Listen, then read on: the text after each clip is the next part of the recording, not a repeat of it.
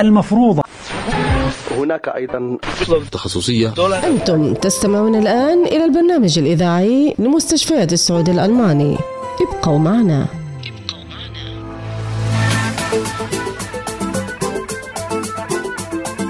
نصائح طبية.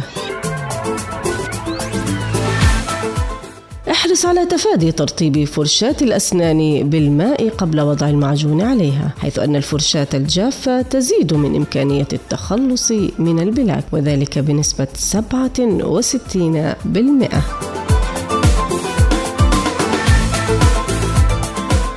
تناول التفاح لمكافحة الأرق والنوم بشكل عميق.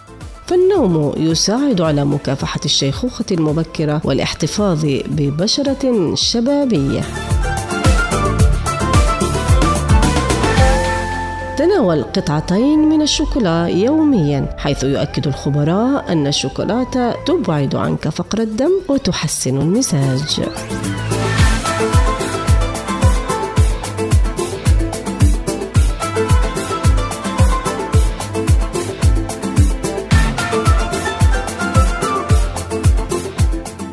أنتم تستمعون الآن إلى البرنامج الإذاعي لمستشفيات السعودي الألماني. ابقوا معنا.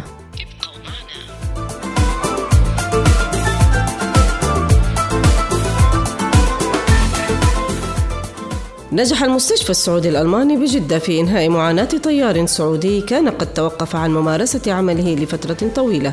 وذلك بسبب حصوة في الكلى. بعد أن أجرى عدة جلسات تفتيت بالموجات التصادمية بمستشفى آخر ولم تنجح. وقد تم عرض الحالة على الدكتور ماجد فياض أخصائي المسالك البولية والذي قرر عمل منظار حالب مرن وتكسير الحصوة بالليزر.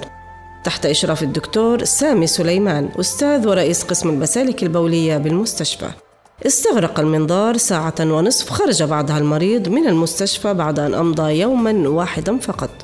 وقد أبدى المريض سعادته الغامرة لعودته لممارسة عمله بشكل طبيعي فيما أوضح الدكتور سامي سليمان أن التجهيزات الطبية الجيدة التي تتميز بها وحدة المناظير بقسم المسالك البولية والتدريب الجيد للأخصائيين كانت هي أحد أهم الأسباب لنجاح العمليات وذلك بما يفوق المعدلات العالمية.